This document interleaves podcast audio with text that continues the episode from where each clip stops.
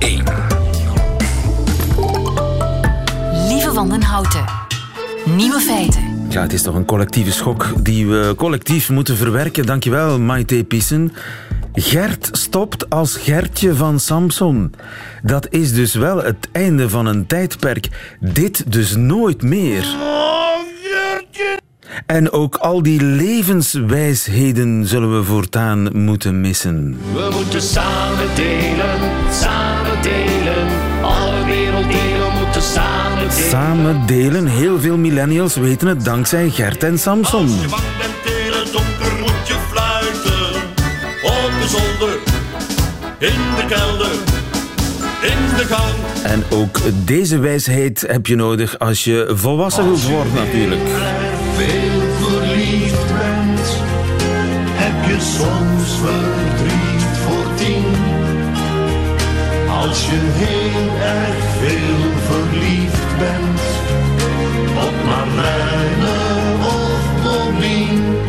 Het was een ware levenswijshedenfabriek, Gert en Samson. Maar waarom zou hij nu toch stoppen? Wij zijn rijk, wij zijn rijk, wij zijn rijk en gelukkig tegelijk. De andere nieuwe feiten tot 1 uur. Goedemiddag. Radio 1. Nieuwe feiten. Primeur in Bredene. Statiegeld op blikjes. Goedemiddag, burgemeester Van den Bergen. Goedemiddag. Steve eh, van den Bergen eh, van de SPA. U voert vanaf 1 januari 2020 als eerste gemeente in Vlaanderen statiegeld in. Is ja, dat is iets waar we inderdaad het draagvlak eh, voor aan het zoeken zijn. Ja. Eh, vooral ook omdat ik echt wel eh, beu ben dat de Vlaamse regering niks onderneemt. Ik wou het net zeggen, is dat niet meer iets voor de Vlaamse regering? Wel, inderdaad, ja, dat is een verantwoordelijkheid tot en met. Ik probeer er al eh, drie, vier jaar eh, aan te brengen naar hen en aan te tonen waarom dat, dat zo belangrijk is, maar ze doen het gewoon niet. En ik ben het echt een beetje beu. En met eh, di- dit initiatief wil ik enerzijds een statement brengen om te zeggen aan de Vlaamse regering: het is nu vijf na twaalf, want elke dag dat, je iets, dag dat je verliest om er iets aan te doen, is dat schuldig verzuim. En anderzijds wil ik ook wel draagvlak zoeken, niet alleen bij mijn eigen inwoners, handelaars, maar morgen op het kustburgemeesteroverleg wil ik ook overleg plegen om te kijken als ik ook daar draagvlak kan creëren. Om het eventueel in de hele kustlijn te, in te voeren, dat ja, statiegeld. inderdaad, dat is de bedoeling. En dan zo stap per stap de Vlaamse regering er toch van overtuigen dat het echt wel noodzakelijk is. En het is zeker haalbaar, want wij gaan ons laten begeleiden door een recyclingnetwerk. Ja. België, Nederland, Luxemburg. Die mensen zijn daarin gespecialiseerd. En wij gaan kijken hoe ver dat we springen. Want uiteindelijk ben ik ook wel eh, zo slim en ook niet eh, eh, arrogant om te zeggen dat wij zomaar een gestructureerd uh, statiegeldsysteem zullen kunnen invoeren in Ja, want gemeente van 18.000 inwoners. Statiegeld, dat betekent toch dat ik iets krijg voor het blikje dat ik inlever. ja, dat klopt. Ik krijg daar geld systeem- voor. Maar in principe heb ik dat geld betaald bij de aanschaf van dat blikje. Nu, als je alleen in Breden een statiegeld invoert, dan kan ik met mijn in Oostende gekocht blikje statiegeld krijgen in Breden. En dat kun je een soort, een soort eh, smokkel kun je op gang brengen. Wel, inderdaad, vandaar dat wij met Recyclingnetwerk eh, vier opties hebben uitgewerkt.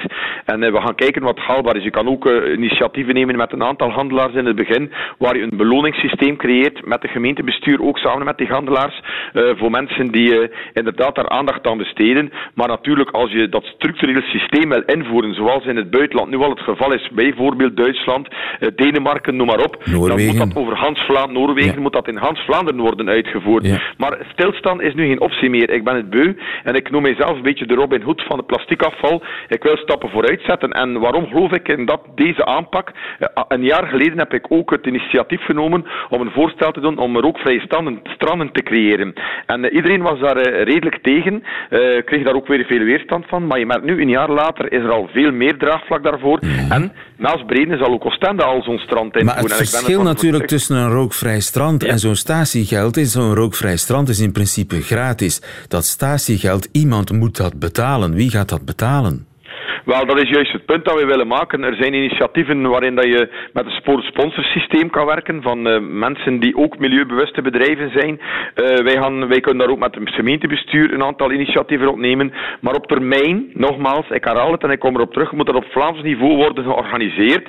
En de studies hebben ook wel bewezen dat als je dat in Hans-Vlaanderen organiseert, dat dat absoluut geen meerkost is voor de handelaars. Yes. Ja, het, u wil voornamelijk uw punt maken, een signaal geven naar de Vlaamse regering. Dat punt heeft u gemaakt. Maar wat mij nog niet helemaal duidelijk is, is of ik mijn blikje ook in Bredene moet gekocht hebben voor ik er statiegeld voor kan incasseren. Wel, dat is het systeem dat wij nu met die Rice Recycling Netwerk zullen uitwerken en kijken wat dat de mogelijkheden zijn. Ik zal mij goed laten omringen daarvoor. En ik weet dat het in het begin heel bescheiden zal zijn. Als wij een twee, drietal handelaars zullen hebben die zo'n proefproject willen doen, uh, dan moeten we kijken hoe we dat gaan organiseren. En dat is wel heel belangrijk om die mogelijkheden te zien. Ja, maar praktisch, is, is, het nog, praktisch ja. is het nog helemaal niet duidelijk. Je zou bijvoorbeeld stickers kunnen kleven op de blikjes die in Bredene worden verkocht en dan heb je zo'n sticker nodig voor je voor je het statiegeld krijgt. Ja, bijvoorbeeld als een optie die eventueel wel mogelijk is, maar die praktische uitwerking is nog niet duidelijk. Dat heb ik ook gezegd uh, bij de lancering van morgen. Vandaar dat wij een aantal opties hebben.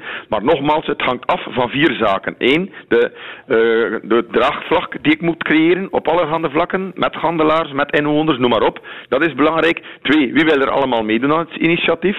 Drie, zal de Vlaamse regering eindelijk zijn of haar hand uitsteken? En hoe de provincie zal ik daar proberen bij te betrekken. Dus er zijn diverse opties. Via het kustburgemeesteroverleg kan ik daar ook de provincie bij betrekken. Dus de uitwerking moet nog in concreto gebeuren. Het is ook maar één van de vele actiepunten die ik in Brene klaar heb staan. Want vrijdag komen we uit met een uitgebreid uh, afval- en uh, plasticarm ja. afvalplan voor onze gemeente. En dat is daar één van de items van. En u droomt van een, een Bredene zonder plastic afval, zonder blikjes die rondslingeren? Ik droom vooral van een land en een wereld zonder plastic afval en blikjes die rondslingeren. Dat is vooral belangrijk, want ik weet ook wel, het is niet alleen op uh, lokaal niveau, maar het is ook op uh, landelijk, Europees en wereldniveau dat er initiatieven mo moeten genomen worden. Maar als iedereen naar elkaar blijft kijken, zoals dat nu gebeurt, ja, dan raak je een stap vooruit. En dan ben ik misschien wel een beetje de Robin Hood die uh, droomt van veel meer dan dat er op vandaag is. En ik zal ook wel nog een keer met mijn hoofd tegen de muur lopen, maar dat is dan zo. Bredene Gidstad, dankjewel Steve van den Bergen, burgemeester van Bredene. Goedemiddag. Ja. Dank u wel, graag gedaan. Nieuwe feiten.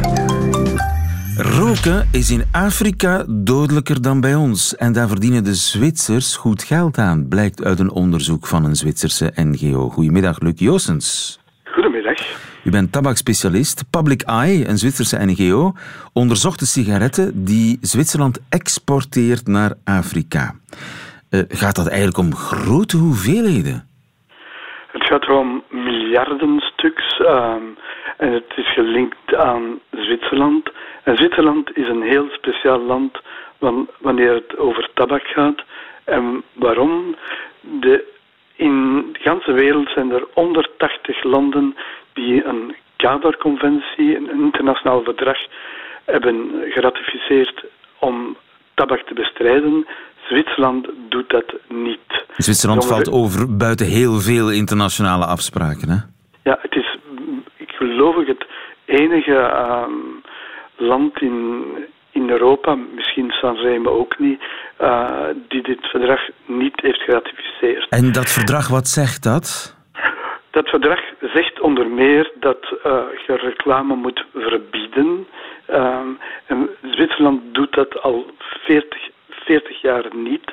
Ze hebben daar altijd uh, discussies over. Ik herinner me nog een discussie in 79, een referendum in 79 over een reclameverbod in Zwitserland. En dat komt er nooit niet. En waarom komt dat nooit niet? Omdat in Zwitserland er meer lobbyisten zijn van de tabaksindustrie dan bergbeklimmers. Ja. Al, ja. al, al de multinationals hebben daar een hoofdkwartier. De vier grote, ze hebben daar ook fabrieken. En waarom is Zwitserland zo aantrekkelijk?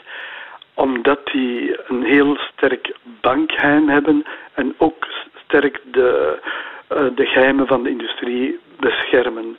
Dus als uitvalsbasis is Zwitserland echt een ideaal land. Uh, je hebt daar fabrieken, je hebt daar de hoofdkwartieren en ze kunnen daar doen wat ze willen. Ze worden eigenlijk niet gecontroleerd. Dat verdrag dat Zwitserland niet heeft geratificeerd, zegt dat ook iets over de kwaliteit van de tabak, over de, ja, de hoeveelheid teer, de hoeveelheid nicotine? Ja, dan heb je dus de Europese wetgeving in de Europese Unie over het teergehalte, nicotinegehalte. Die ehm, is vervat in een richtlijn van 2001 en die zegt een aantal standaarden voor teer en nicotine. En dat geldt ook voor de geëxporteerde sigaretten. Maar Zwitserland maakt geen deel uit van de Europese Unie. Dus nogmaals, uh, ze doen wat ze willen. En het is dus niet toevallig dat die sigaret, sigaretten vanuit Zwitserland worden geëxporteerd. En het aantal sigaretten in Afrika van Zwitserse makelij, dat is heel groot. Ja, we stellen dus vast dat wereldwijd de verkoop van sigaretten terugloopt. Dat geldt in Europa, dat geldt in Amerika, in Australië, in Azië, overal behalve in twee regio's. Dat is het Midden-Oosten en Afrika. En in Afrika heb je een sterke toename van de bevolking. Veel jongeren die uh, een toename van de, van de jongeren. En het percentage rokers is daar nog laag, maar dat gaat exponentieel stijgen omdat er inderdaad veel jongeren zijn. En bezetten zij een groot deel van de markt in uh, Afrika en pakweg Marokko, de Zwitsers? De, in Marokko is ook een van die landen die die kaderconventie niet heeft uh, geratificeerd. Die heeft ook reclame via aanplakborden. Dus dat is een uitstekende markt, een groeimarkt uh, ja. voor, de, voor dit type van sigaretten. Want ik las, dat ergens, ik las ergens dat uh, meer dan de helft van de sigaretten in Marokko van Zwitserse makelij zijn. Ja, dat is dus ideaal. Ja. En dat zijn de grote merken, Marlboro, Camel, noem maar op. Ja, dus de grote al de grote fabrikanten, uh, Philip Morris, BAT, Japan Tobacco International, hebben hun fabrieken in, uh, in Zwitserland. Dus een ideale uitvalsbasis. Ja, maar en dat zijn andere sigaretten dan de sigaretten die je hier in de winkel koopt? In die zin dat er meer teer en nicotine in zit? Ja, maar we moeten nu er wel bij zeggen dat alle sigaretten ongelooflijk slecht zijn. Uh, is het kankerproduct bij uitstek en het doodt één op de twee gebruikers. Nu hier is het teer- en nicotinegehalte nog hoger, wellicht nog iets slechter, maar uh, moet alle sigaretten zijn wel ja, ja. Maar het is wel opvallend dat ze ongezonder zijn, die sigaretten. En dan vraag je af, welk belang hebben de Zwitsers daarbij, de Zwitserse fabrikanten daarbij, om die sigaretten ongezonder te maken? Ze hebben um, het, als je begint te raken aan teer- en nicotinegehalte, dan raakt ook aan, aan de smaak, aan de gewoontes, de ontwenning en dergelijke zaken. Dus uh, het, het kan tot gevolg hebben dat de sigaret minder gemakkelijk ligt voor de roker. En daarom doen ze dat. Uh, het is wel eigenaardig dat het gebeurt in de huidige tijden, waarbij de grote fabrikanten zeggen dat ze opkomen voor minder gevaarlijke sigaretten, maar dat blijkt dus duidelijk niet hier. Ja, dat zijn straffere sigaretten die verslavender zijn eigenlijk. Ja, absoluut. En zijn daar geen controles op in Afrika? Daar ligt niemand wakker van. Het is een, een, er is een beperkte mogelijkheid in Afrika. Er is minder geld beschikbaar, ja. dus de invloed van de grote bedrijven is groter. Ja. Dit is uh, het cynisme ten top, hè? Absoluut. Dank u wel, meneer Joostens. Nieuwe feiten. Waarom missen zoveel farao's een neus? Het antwoord op die vraag is te zien op een tentoonstelling in Amerika. Maar omdat het een beetje ver is, bel ik met Herbert Verret. Goedemiddag, meneer Verret. Goedemiddag. U bent historicus, uh, Egyptoloog, ook aan de Universiteit van Leuven. Uh, in St. Louis, Missouri, loopt die tentoonstelling centraal thema de ontbrekende neus in de oude Egyptische kunst. Het is inderdaad toch wel opvallend, hè, meneer Verret, die verdwenen neuzen. Het is inderdaad opvallend, speciaal in Egypte.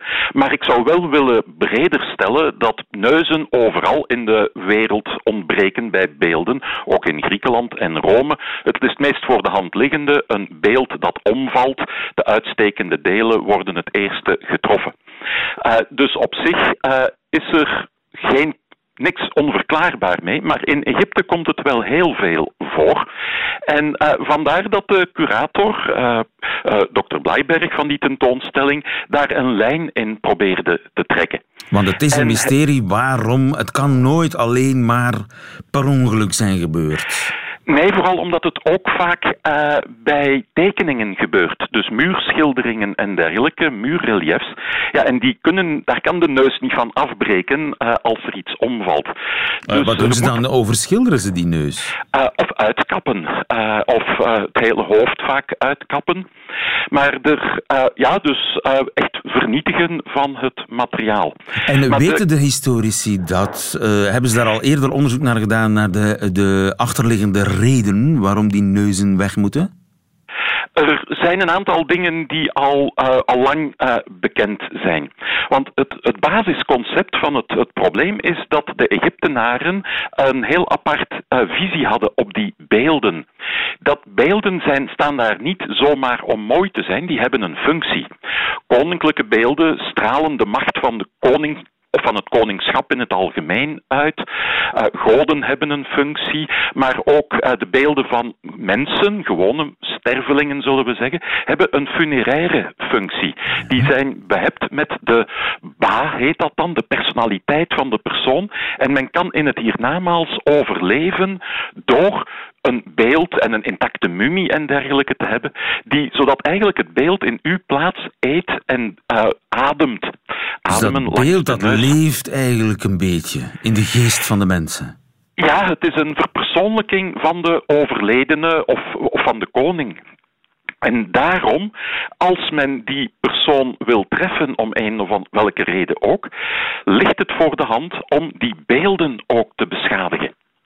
En we hebben daar eigenlijk drie, uh, drie categorieën min of meer van. En de eerste is wat ze in de Romeinse wereld de damnatio memoriae noemen. Het vernietigen van de herinnering aan iemand.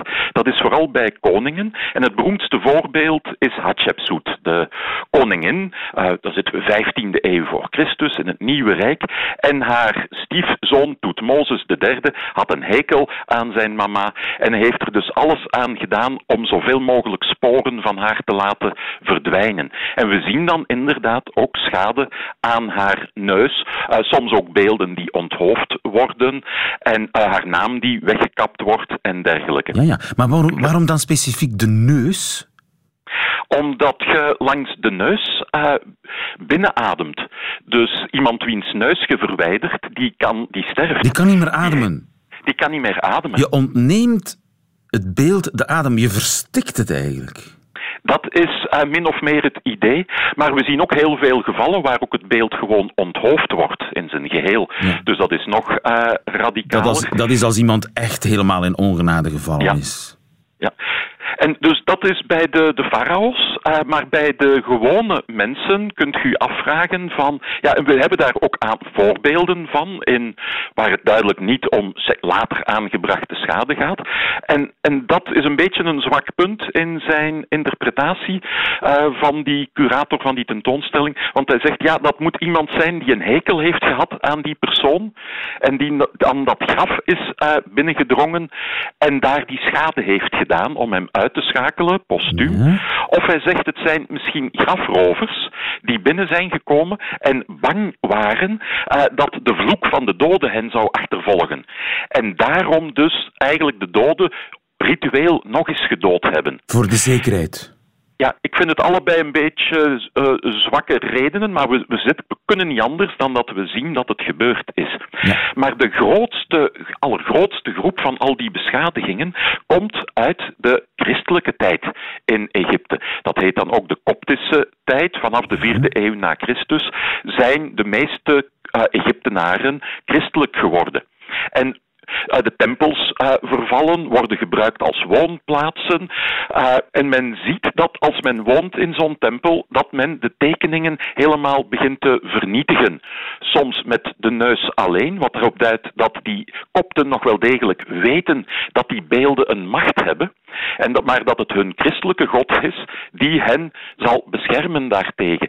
En dus het, is, het laat hen niet koud, ze vernietigen die beelden als zodanig. En dat is de allergrootste groep. Maar daarna hebben we ook nog wel een, een leuk geval. De neus van de Sphinx van Giza. Ja, dat is een heel Uh, bekend beeld, hè? Ja, stripliefhebbers weten dat dat eigenlijk door Obelix afgetrapt is toen hij dat beeld beklom. ja, ja. Maar er is ook eh, de, eigenlijk een kwakkel dat het door de soldaten van Napoleon zou gebeurd zijn. Dat wordt vaak verteld, hè? Dat Napoleon die met dat een kanon, kanonschoten daarop. eh, maar ja, er zijn geen andere gaten. dus dan zou het al wel een heel goed schot moeten zijn geweest om dat, die neus alleen weg te krijgen. Maar we hebben afbeeldingen van voor Napoleon, waar die Sphinx ook met de neus eraf staat. Aha, dus Napoleon En, is niet ja. de dader.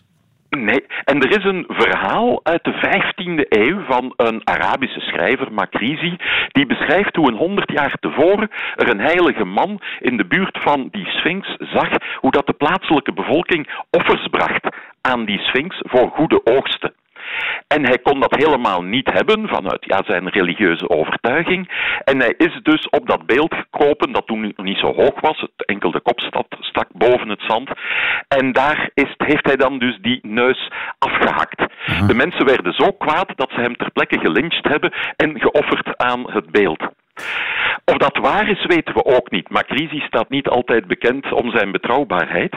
Maar in ieder geval toont het aan dat ook in de Arabische tijd dat men eh, die beelden nog steeds wilde uitschakelen. Ja, het is ook een soort eh, beeldenstorm om religieuze redenen. De ontneuzing van de Egyptische, oude Egyptische beelden. Een tentoonstelling in Missouri. Een uitleg van Herbert Verret. Dankjewel, goedemiddag. Goedemiddag. Nieuwe feiten.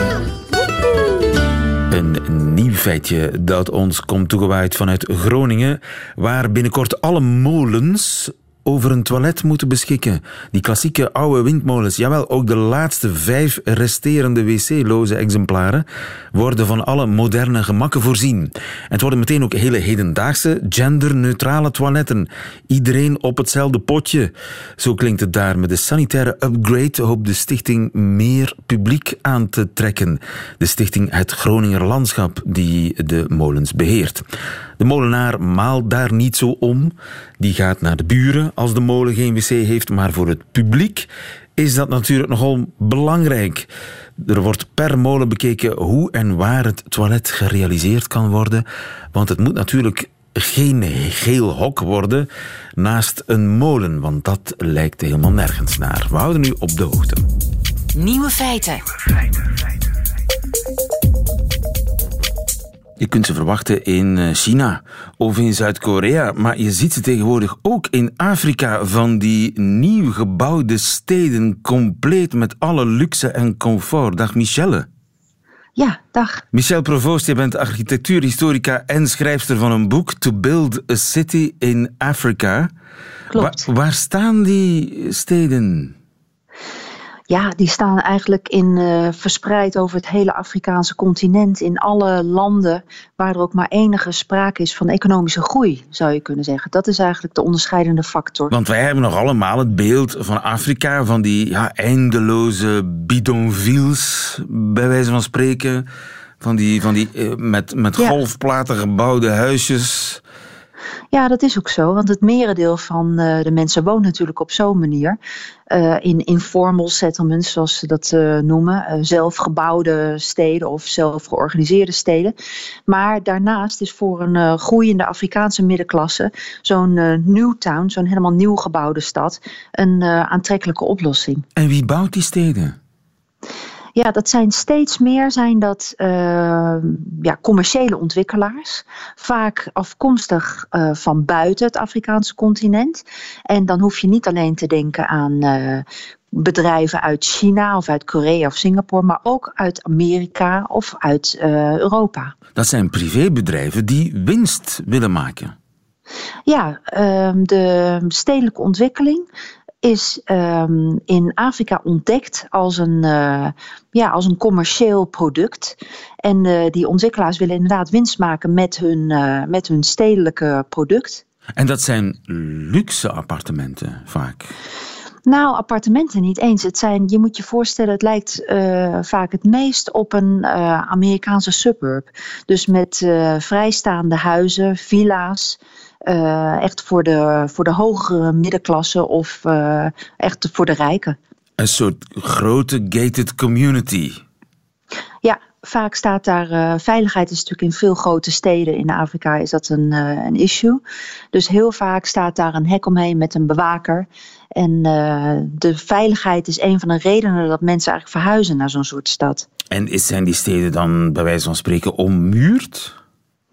Ja, nou, dat is een, een, een muur die er aantrekkelijk uitziet in de ogen van uh, de kopers en de bewoners. Dus een, een lage muur met een hek erop en een, uh, een poort met een, een chique poort met een uh, torentje en een, en een bewaker. En binnenin alle moderne gemakken, stromend water, elektriciteit? Ja, dat is eigenlijk de ja, de unique selling point zou je kunnen zeggen van uh, dit soort uh, new towns. Ze hebben publieke voorzieningen. Uh, die heel goed verzorgd zijn. Dus ze hebben elektriciteit, ze hebben een riool, ze hebben stromend water en zonder haperingen. Dus die voorzieningen zijn heel erg op orde. En dat is iets wat in de ja, grote uh, Afrikaanse steden, denk aan Lagos of aan Accra of aan uh, Nairobi. Ja, daar heb je vaak storingen, daar uh, zijn vaak haperingen in die systemen. En dat is natuurlijk heel aantrekkelijk, dat wil eigenlijk iedereen, dat die dingen gewoon werken. En verkeer is een ander ding. Dus die, die bestaande steden staan vaak vol met files en daar kom je geen meter vooruit in de auto. Terwijl de wegen en de infrastructuur in nieuwe steden is allemaal perfect aangelegd. Maar er wordt alleen gewoond, daar wordt niet Of toch? Nou, dat is niet helemaal zo. Want uh, die steden worden ook vaak uh, aangelegd met grote bedrijventerreinen erbij. Ook weer met alle uh, gemakken en uh, voorzieningen van dien. En die zijn dan bedoeld om uh, de lokale vestigingen van, uh, van Google of Microsoft, maar ook van Unilever of Europese bedrijven, om die aan te trekken. En ehm, in die zin bieden die steden dus ook veel werkgelegenheid. Wel van een bepaalde klasse natuurlijk. En die elektriciteit, die maken ze dan zelf? Die wordt op het terrein ja, zelf hebben... opgewekt? Precies. Daar hebben ze zelf een elektriciteitscentrale, zelf een uh, rioolgemaal. En uh, in die zin hebben ze dus eigenlijk alle uh, ja, gemeentelijke voorzieningen hebben ze naar zich toegetrokken. En maar zelf, het, het, het, zoals het vertelt, lijkt het op een land in een land. Ja, ja het is een soort stadstaatje. Ja, Nee, dat klopt. En dat heeft natuurlijk ook zijn uh, uh, keerzijde. Want uh, naast dat comfort en die luxe en die veiligheid. Zijn het natuurlijk ook letterlijk enclaves voor de rijken. met alle gevolgen voor segregatie van dien. Dus je hebt bijna bij al die steden zie je dat direct aan de rand ervan. Daar ontstaan die nieuwe informele steden, die bidonvilles zoals je noemde. En die zijn vaak uitgestrekt, vaak net zo groot als die nieuwe Ja. steden. En daar wonen de schoonmakers, de chauffeurs, degene die de tuin onderhouden. Dus er zijn twee parallelwerelden ontstaan daar. Maar het doet mij heel erg denken aan hoe het vroeger bij ons in de Afrikaanse kolonie Congo was. Namelijk een witte stad die perfect in orde was. En daar rond ja, de, de, de stad voor de inboorlingen, zoals het dan heette. Ja. Nou, dat is ook een van de kritieken die natuurlijk op deze Newtowns wordt gegeven. Dat het eigenlijk een, uh, een voortzetting is van de segregatie uit de koloniale tijd. Maar dan uh, volgens commerciële uh, middelen. En niet volgens raciale maar, middelen, want daar wonen nee. gewoon Afrikanen, neem ik aan, in die steden. Over het algemeen woont daar de, de hogere Afrikaanse middenklasse. Maar er wonen natuurlijk ook uh, de mensen die uh, de managers zijn of de staf zijn bij die internationale bedrijven. Dus in die zin is, daar, uh, ja, is dat uh, dubbelzinnig. Ja, ja, ook uh, wat er aan witte mensen in die landen woont, die wonen vaak in dat soort nieuwe steden. Nou, niet vaak, maar die wonen er ook. Maar die segregatie is vooral op, op basis van geld en rijkdom en minder op ras natuurlijk. En je ziet het overal in Afrika. Ja, in alle. Nou ja, wij zijn niet gewend om over Afrika te denken, misschien als een uh, continent wat uh, groeit in alle opzichten. Maar dat is wel zo. Dus de bevolking daar die uh, gaat verdubbelen de komende 50 jaar. Het aantal steden is enorm in opkomst en in groei. Maar ook de economie groeit. En er is dus ook een, een, positieve kant aan dit verhaal. Want die steden zijn letterlijk en figuurlijk het, het teken van, van groei en van, van toename van welvaart. Maar ook een beetje van de voortzetting van de oude koloniale structuren. En zo heeft Ja, elk eh, ja. voordeel zijn nadeel. Ja, ja. Dankjewel, Michel Provoost. Je boek heet To Build a City in Africa. Goedemiddag. Ja, graag gedaan. Nieuwe feiten. Middagjournaal.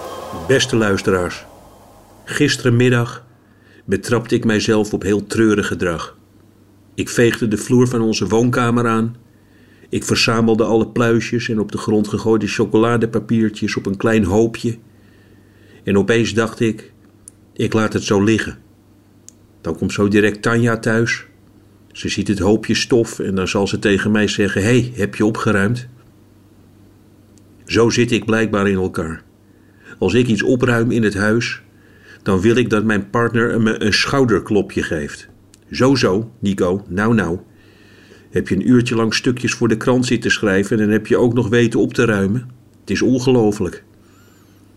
Doodsbang ben ik dat Tanja niet ziet dat ik heb opgeruimd. In mijn beleving heb ik dan alles voor helemaal niets gedaan. En dat moet de eindconclusie zijn. Ik ruim niet op, als een klein diertje doe ik heel opvallend een kunstje en daarna hoop ik op een suikerklontje. Maar luisteraars, wat ik ook nog wilde zeggen is dit. Ik vond tijdens het vegen achter onze bank een lang, plat stuk hout. En op het hout staat in blauwe letters Nico Dijkshoorn. Ik heb een stuk hout met mijn eigen naam erop en dat komt zo. Ik had ergens voorgelezen en daarna werd het stuk hout officieel aan mij overhandigd. Het was een hele lieve kleine vrouw. Ik wist niet zo goed wat ik met de situatie aan moest. Ik deed het stuk hout boven mijn hoofd en daarna deed ik alsof ik de Tour de France had gewonnen. Thuis liet ik het stuk hout met letters aan Tanja zien. Die was daar niet heel erg blij mee. Er is al heel veel Nico Dijkshoren in dit huis. Ze zei: We kunnen het om je nek hangen als we gaan winkelen, net als een hond, voor het geval ik je kwijtraak. Daarna verdween het stuk hout achter onze bank. Maar luisteraars, ik kijk er zojuist voor het eerst eens echt goed naar, naar dat stuk hout en het is prachtig gedaan. Mijn naam past er precies op. Dat heb je ook nog wel eens met spandoeken. Dat ze steeds kleiner moeten gaan schrijven omdat ze niet uitkomen. Dan staat er: Wij willen meer loon. En dan is het woord loon bijna niet te lezen, zo klein. Maar dit stuk houdt vakwerk. Luisteraars, niet zo lang geleden heeft een hele kleine vrouw mijn naam heel netjes op hout zitten schilderen. Ze heeft het daarna aan haar man laten zien en die heeft gezegd: Ik ken hem niet, maar toch heel mooi gemaakt. En zo is het. Het is prachtig. Kleine vrouw, bedankt.